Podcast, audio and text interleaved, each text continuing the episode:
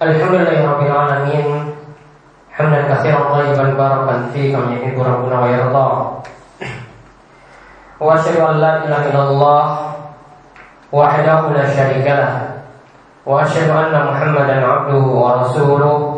اللهم صل على نبينا وسيدنا محمد وعلى آله ومن تبعهم بإحسان إلى يوم الدين. قال الله تعالى في كتابه الكريم يا أيها الذين آمنوا اتقوا الله حق تقاته ولا تموتن إلا وأنتم مسلمون وقال تعالى يا أيها الناس اتقوا ربكم الذي خلقكم من نفس واحدة وخلق منها زوجها وبث منهما رجالا كثيرا ونساء واتقوا الله الذي تساءلون به والأرحام إن الله كان عليكم رقيبا وقال تعالى يا أيها الذين آمنوا اتقوا الله وقولوا قولا سديدا. يصلح لكم أعمالكم ويغفر لكم ذنوبكم ومن يطع الله ورسوله فقد فاز فوزا عظيما. فإن أصدق الحديث كتاب الله وخير الهدى هدى محمد صلى الله عليه وسلم وشر الأمور محدثاتها. Wa kullu muhdatsatin bid'ah. Wa kullu bid'atin dhalalah wa kullu dhalalatin finnar. Masyaallah muslimin jamaah salat Jumat yang mengikuti sholat dirahmati dan diberkahi oleh Allah Subhanahu wa taala. Alhamdulillah kita bersyukur kepada Allah Subhanahu wa taala atas nikmat yang Allah anugerahkan kepada kita sekalian. Sehingga pada kesempatan siang hari ini di hari Jumat yang penuh barokah Allah masih memberikan kita kesempatan masih memberikan kita ketakwaan masih memberikan kita kebaikan untuk melaksanakan sholat Jumat pada kesempatan kali ini. Dan mudah-mudahan segala nikmat yang telah Allah anugerahkan kepada kita dapat kita salurkan dalam menjalankan ketaatan kepada Allah Subhanahu wa taala. Sebagaimana dikatakan oleh para ulama, kullu ni'matin la tuqarribu ila Allah azza wa jalla Setiap nikmat yang tidak mendekatkan diri seseorang kepada Allah, yaitu yang tidak digunakan untuk ibadah, maka itu bukanlah nikmat, namun itu hanyalah musibah. Ini yang dikatakan oleh seorang ulama di masa silam yang bernama Abu Hazim.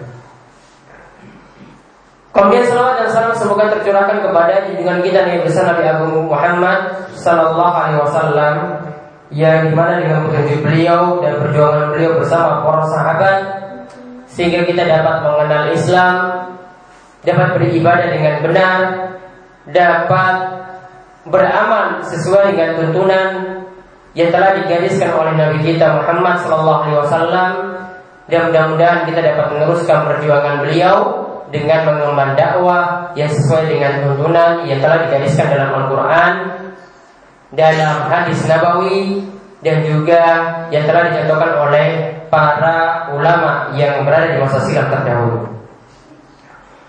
Masyarakat muslimin, para jamaah sekalian yang mugi-mugi dirahmati oleh Allah Subhanahu wa taala. Kita diperintahkan untuk beribadah kepada Allah Subhanahu wa taala bukanlah sesaat.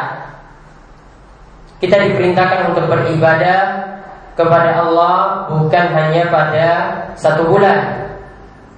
Kita diperintahkan beribadah kepada Allah bukanlah hanya di bulan Ramadan saja, namun kita diperintahkan untuk menjalankan sholat, untuk menjalankan sholat berjamaah, untuk menjalankan ibadah puasa selama hayat masih dikandung badan. Artinya selama Allah Subhanahu wa taala masih memberikan kita kehidupan. Allah Subhanahu wa taala berfirman, "Wa'bud rabbaka hatta ya'tiyakal yaqin." Sembahlah Rabbmu Beribadahlah kepada Rabbmu yaitu Allah Subhanahu wa taala sampai datang kepada ke kalian al-yakin sampai datang kepada kalian kematian. Maka kita diperintahkan untuk beribadah berarti sepanjang waktu. Ibadah bukanlah hal yang musiman. Ibadah bukan hanya kita kenal di bulan Ramadan saja. Namun ayat ini tadi memaksudkan supaya kita beribadah itu sampai nyawa kita itu diambil oleh Allah Subhanahu wa taala. Maka di samping dari ayat tadi kita dapat melihat juga dari perkataan Nabi Shallallahu alaihi wasallam. Beliau menyatakan bahwasanya amalan yang terbaik dan amalan yang dicintai oleh Allah Subhanahu wa taala adalah amalan yang kontinu, amalan yang rutin, amalan yang ajab walaupun jumlahnya itu sedikit.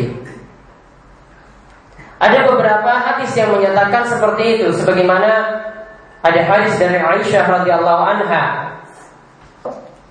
di mana Nabi SAW itu pernah menemui Aisyah istri Nabi SAW tercinta dan ketika itu di dekat Aisyah terdapat seorang wanita yang saat itu sedang berada di samping Aisyah radhiyallahu anha. Maka Nabi SAW itu menanyakan, "Man Siapa wanita itu?" Kemudian Aisyah mengatakan bahwasanya ini adalah orang atau wanita yang sangat terkenal rajin dalam sholat. Ia sangat terkenal rajin dalam sholat. Maka kemudian Nabi SAW itu mengatakan, Mah Jangan seperti itu. Artinya jangan sampai sholat dilakukan secara berlebihan. Ma alaikum bima tutikun. Cukup bagi kalian jika ingin beribadah maka lakukanlah semampu kalian. Allah la yamallullahu hatta tamallu dan ketahuilah bahwasanya demi Allah Allah itu tidaklah pernah bosan untuk menerima ibadah kalian, namun kalianlah yang nanti sampai bosan dalam beribadah. Kemudian dikatakan dalam hadis ini wa kana ahabbuddin ilaihi madama alaihi sahibuhu. Dikatakan bahwasanya amalan yang paling disukai oleh Allah Subhanahu wa taala adalah amalan yang rutin dilakukan oleh pelakunya. Hadis ini mutafakun alaih diriwayatkan oleh Imam Bukhari dan Muslim. Maka para jamaah sekalian, hadis ini mengajarkan kepada kita yang pertama kita jangan memaksakan diri dalam ibadah. Artinya kalau ibadah itu sudah punya aturan tersendiri, maka kita jangan membuat-buat ibadah baru yang tidak pernah ditentukan. Kemudian ibadah tersebut jangan terlalu kita paksakan kalau kita dalam keadaan sakit, dalam keadaan tidak kuat untuk berdiri, untuk melakukan sholat misalnya, maka ketika itu kita boleh melakukannya sambil duduk. Jangan dipaksakan ketika itu. Kemudian ditutup dalam hadis ini dikatakan bahwasanya amalan yang terbaik yaitu adalah amalan yang dilakukan secara rutin. Amalan yang dilakukan secara rutin, kontinu, Artinya ada terus. Inilah yang paling cintai oleh Allah Subhanahu wa taala.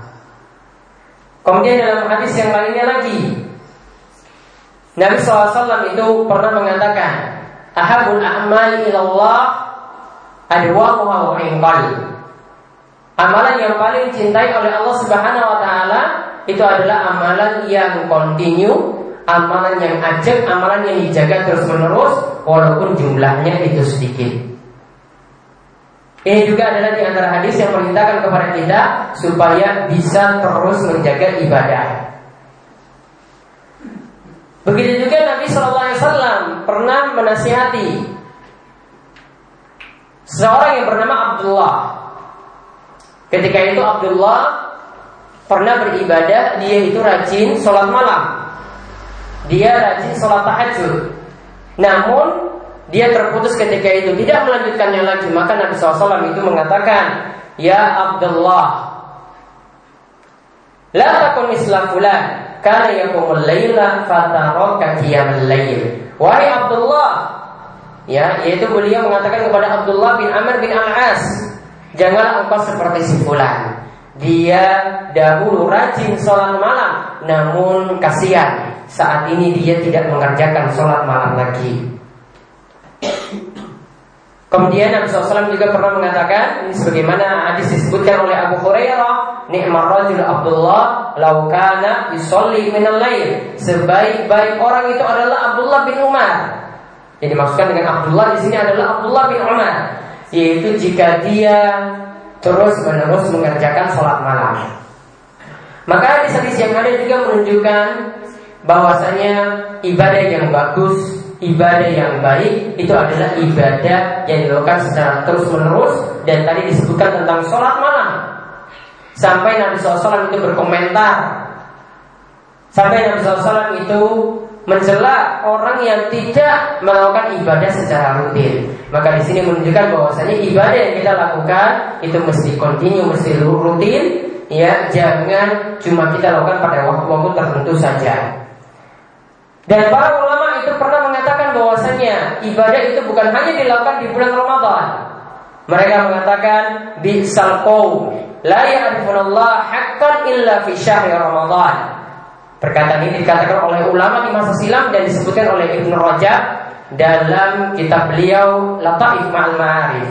Beliau mengatakan bahwasanya sejelek-jelek orang, sejelek-jelek kaum yaitu mereka hanya benar-benar mengenal Allah hanya di bulan Ramadan saja, hanya mau beribadah ketika di bulan Ramadan saja.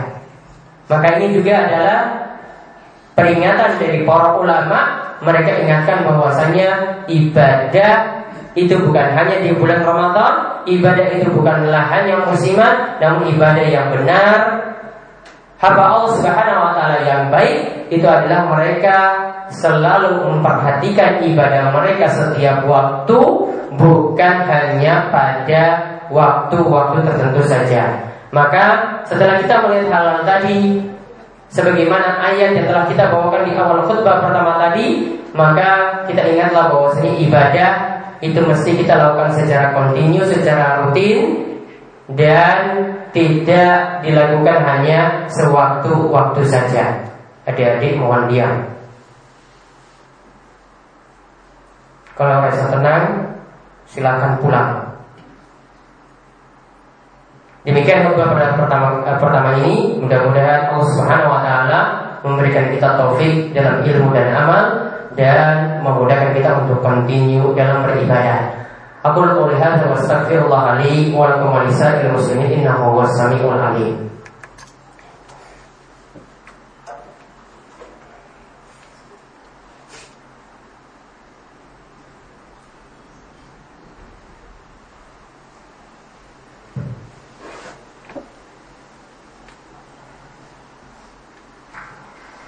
Alhamdulillahirabbil alamin. Hamdan katsiran tayyiban barakan fihi kama yuhibbu rabbuna wa yarda. Wa asyhadu an la ilaha illallah wahdahu la syarika wa asyhadu anna Muhammadan abduhu wa rasuluh. Allahumma shalli ala nabiyyina wa sayyidina Muhammad wa ala alihi wa man tabi'ahum bi ihsan ila yaumiddin. Alhamdulillah setelah dalam khutbah pertama tadi kita sampaikan bahwa kita diperintahkan untuk beribadah sepanjang waktu. Tidak beribadah musiman saja, tidak beribadah pada bulan Ramadan saja. Maka amalan-amalan yang telah kita latih telah kita lakukan di bulan Ramadan, maka hendaklah kita terus menjaganya baik amalan sholat lima waktu. Begitu juga bagi bapak-bapak itu adalah menjalankan sholat berjamaah di masjid. Maka sudah sepantasnya semuanya itu untuk dijaga.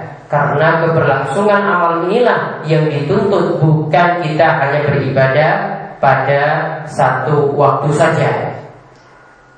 Kemudian kita diperintahkan lagi untuk menjalankan puasa selepas bulan Ramadan. Jika kita telah menyempurnakan puasa yang ada yaitu kita diperintahkan untuk menjalankan ibadah puasa Syawal sebanyak enam hari. Sebagaimana yang Nabi SAW itu katakan, Man shoma Ramadan tsumma atba'ahu sittan min Syawal kana kasiyamid dahar. Barang siapa yang menjalankan ibadah puasa di bulan Ramadan, kemudian dia ikutkan dengan menjalankan puasa enam hari di bulan Syawal, maka dia dihitung seperti berpuasa setahun penuh. Maka dari hadis ini juga menunjukkan kita diperintahkan untuk bisa sebisa mungkin untuk menjalankan puasa enam hari di bulan Syawal karena pahalanya yang besar. Bisa kita jalankan sejak awal-awal Ramadan atau mulai dari pertengahan bulan seperti ini atau mungkin di akhir-akhir bulan Ramadan eh, di akhir-akhir bulan Syawal. Jadi bisa kita mulai dari awal bulan Syawal atau di pertengahan bulan Syawal atau di akhir-akhir dari bulan Syawal. Intinya selama masih di bulan Ramadan di bulan Syawal kita diperintahkan untuk menjalankan puasa enam hari tadi.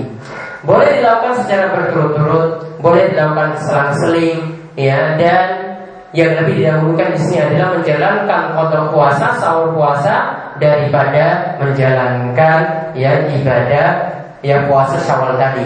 Jadi yang wajib yaitu sahur puasa ya untuk nyaur itu lebih dahulukan daripada kita menjalankan puasa syawal tadi karena yang ibadah yang wajib lebih dahulukan daripada ibadah yang sunnah. Maka mudah-mudahan Allah memberikan kita kemudahan untuk terus dimudahkan dalam ibadah-ibadah dan mudah-mudahan kita terus istiqomah dan diberikan kemudahan untuk continue untuk acep dalam melakukan ibadah-ibadah kepada Allah Subhanahu wa taala. Demikian khutbah kedua yang kami sampaikan dan di hari Jumat yang penuh barokah ini Nabi SAW mengingatkan kepada kita untuk banyak berselawat kepada beliau dan barang siapa yang berselawat kepada Nabi SAW sekali maka Allah akan berselawat kepadanya sepuluh kali. Inna Allah wa malaikatahu yusalluna ala nabi. Ya ayyuhalladzina amanu sallu alaihi wa sallimu taslima. Allahumma salli ala Muhammad Wa ala ali Muhammad Kama sallaita ala Ibrahim Wa ala ali Ibrahim Innaka hamidun majid. Allahumma barik ala Muhammad Wa ala ali Muhammad Kama barakta ala Ibrahim Wa ala ali Ibrahim Innaka hamidun majid Marilah di akhir khutbah ini kita banyak memohon pada Allah Subhanahu wa taala dengan doa-doa kita. Mudah-mudahan di hari yang penuh barokah ini Allah mengijabahi setiap doa-doa yang kita panjatkan. Allahumma fir lil muslimina wal muslimat wal mu'minina wal mu'minat al ahya'i minhum wal amwat innaka sami'un qaribun mujibud da'wat. اللهم اقسم لنا من خشيتك ما تحول به بيننا وبين معصيتك ومن طاعتك ما تبلغنا به جنتك ومن اليقين ما تهون به علينا مصائب الدنيا اللهم متنا باسماعنا وابصارنا وقوتنا ما احييتنا واجعله وارثا منا واجعل سعرنا على من ظلمنا وانصرنا على من عدانا ولا تجعل مصيبتنا في ديننا ولا تجعل الدنيا اكبر همنا ولا مبلغ علمنا ولا تسلط علينا من لا يرحمنا اللهم إنا نسألك بأننا نشهد أنك أنت الله لا إله إلا أنت الأحد الصمد Allah lam di kolam yulat kolam wa ahad. Ya Allah berikanlah petunjuk kepada penduduk negeri ini. Ya Allah berikanlah petunjuk untuk kami untuk selalu menjalankan ketaatan. Ya Allah berikanlah kami petunjuk juga untuk selalu taat kepadamu dengan bertauhid Dan menjauhi segala macam kesyirikan yang ini adalah bentuk dosa yang terbesar terhadapmu. Ya Allah berikanlah kami petunjuk untuk dapat menjalankan sholat Ya Allah berikanlah kami petunjuk juga untuk dapat melanjutkan sholat berjamaah. Dan limpahkanlah kami rezeki dari langit ya Allah. Dan juga mudahkanlah kami untuk menjalankan ibadah-ibadah ibadah ya ibadah-ibadah sunnah maupun ibadah-ibadah yang wajib. Kami terus dapat menjaganya selepas bulan Ramadan ini. Dan berikanlah kami taufik kepada anak-anak kami. Berikanlah taufik kepada istri-istri kami. Dan berikanlah taufik kepada seluruh kaum muslimin yang berada di negeri ini. Ya Allah anugerahkanlah kepada kami pemimpin yang baik. Ya Allah anugerahkanlah kepada kami pemimpin yang dapat membela Islam. Ya Allah anugerahkanlah kami pemimpin yang dapat memperjuangkan hak-hak kami yang dapat memperjuangkan hak kaum kaum muslimin dan dapat memperjuangkan agama ini yang yang menjadi mulia di sisimu ya Allah. Rabbana hab lana min azwajina wa dzurriyyatina qurrata a'yun waj'alna lil muttaqina imama. Rabbana atina fid dunya hasanah wa fil akhirati hasanah wa qina adzabannar. Wassallallahu ala nabiyyina Muhammadin wa ala alihi wa sahbihi ajma'in. Walhamdulillahi rabbil alamin.